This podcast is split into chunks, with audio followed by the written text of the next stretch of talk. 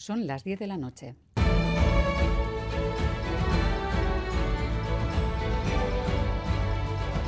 Radio Euskadi y Radio Vitoria. Servicios informativos.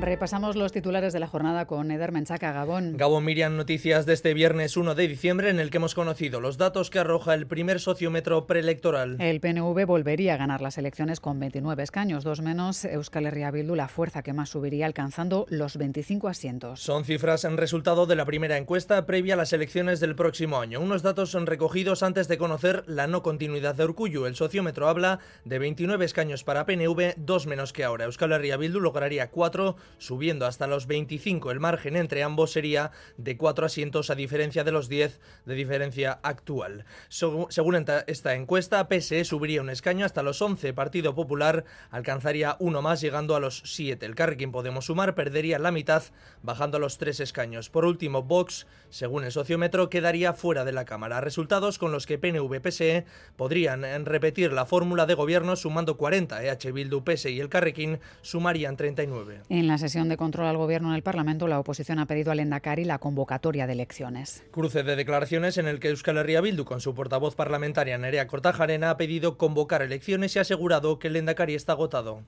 Su partido ya no confía en usted para poder ofrecer las respuestas que requiere la ciudadanía y para poder liderar el nuevo tiempo. Y su socio de gobierno está manifestando que el suyo es un modelo agotado. Que hay que aclarar cuándo se van a celebrar esas, esas elecciones. Se está generando mucha inseguridad.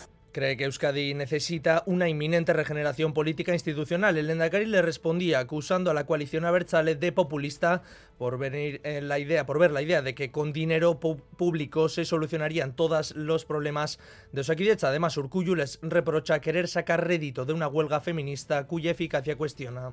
Decir que todo se puede resolver con dinero público, puro populismo, señora Cortajarena. La utilización de la huelga feminista para fines partidistas. Mi pregunta es, ¿La causa feminista está hoy mejor o peor que antes de ayer jueves? Desde el Ejecutivo Vasco hablan de que la formación soberanista exagera y agita el debate político porque ya están en campaña. En el Día Mundial de Lucha contra el SIDA hemos conocido que en Euskadi 7.000 personas viven con el virus y las cifras van en aumento. En la mitad de los nuevos casos el diagnóstico es tardío. En Euskadi se diagnostica una persona con VIH cada tres días. Los registros constatan un repunte desde el fin de la pandemia. El año pasado en la comunidad se diagnosticaron 127 nuevos casos. Gochones Agardo y consejera de Salud.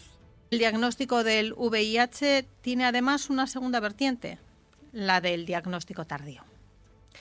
Al igual que ocurre en el resto del continente, más de la mitad de los nuevos diagnósticos anuales con VIH en Euskadi son tardíos.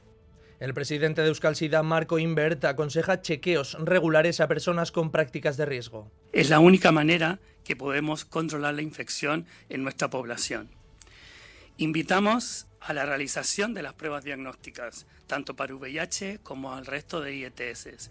Tras el fin de la tregua en Gaza, 180 personas han fallecido por la ofensiva israelí. El balance total asciende a 15.000 palestinos muertos, según el recuento de las autoridades gazatíes. Entrevistado en Gambara de Radio Euskadi, Vicente Raimundo, director de Cooperación Internacional y Ayuda Humanitaria de Save the Children, lo califica de catastrófico. La situación es catastrófica y las cifras solo son frías, pero nos hablan también claramente de la intensidad de lo que está pasando. ¿no? Hay, hay entre niños y niñas muertos y desaparecidos, hay 8.000. Es una cifra con muy pocos precedentes en un periodo tan, tan corto de tiempo.